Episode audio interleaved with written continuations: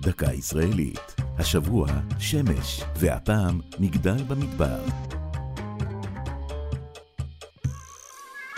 כל מי שנהג בשנים האחרונות בכביש 40, סמוך ליישוב אשלים בנגב, סביר שנתקל באור מסנוור הבוקע ממגדל בצד הדרך.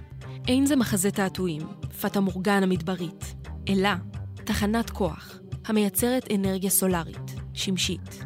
בראש המגדל, הנישא לגובה 240 מטרים, מותקן דוד, וסביבו שדה של 50 אלף מראות. המראות, המחזירות את אור השמש לעבר הדוד, מחממות את המים שבתוכו ומייצרות קיטור. כך מפיק המגדל כ-120 מגוואט חשמל של אנרגיה ירוקה, כחצי אחוז מיכולת הייצור הכללית של משק החשמל בארץ.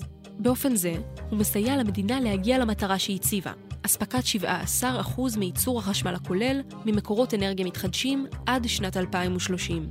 המגדל, שהקימה חברת ברייט סורס אנרג'י, נחנך לפני כמה שנים, ואחריו הוקמו במקום עוד שתי תחנות כוח.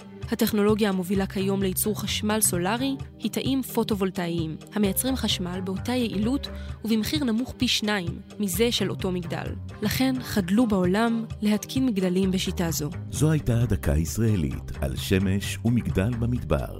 כתבה עשאל פלד. ייעוץ הפרופסור יוסי רוזנבקס. עורך ליאור פרידמן.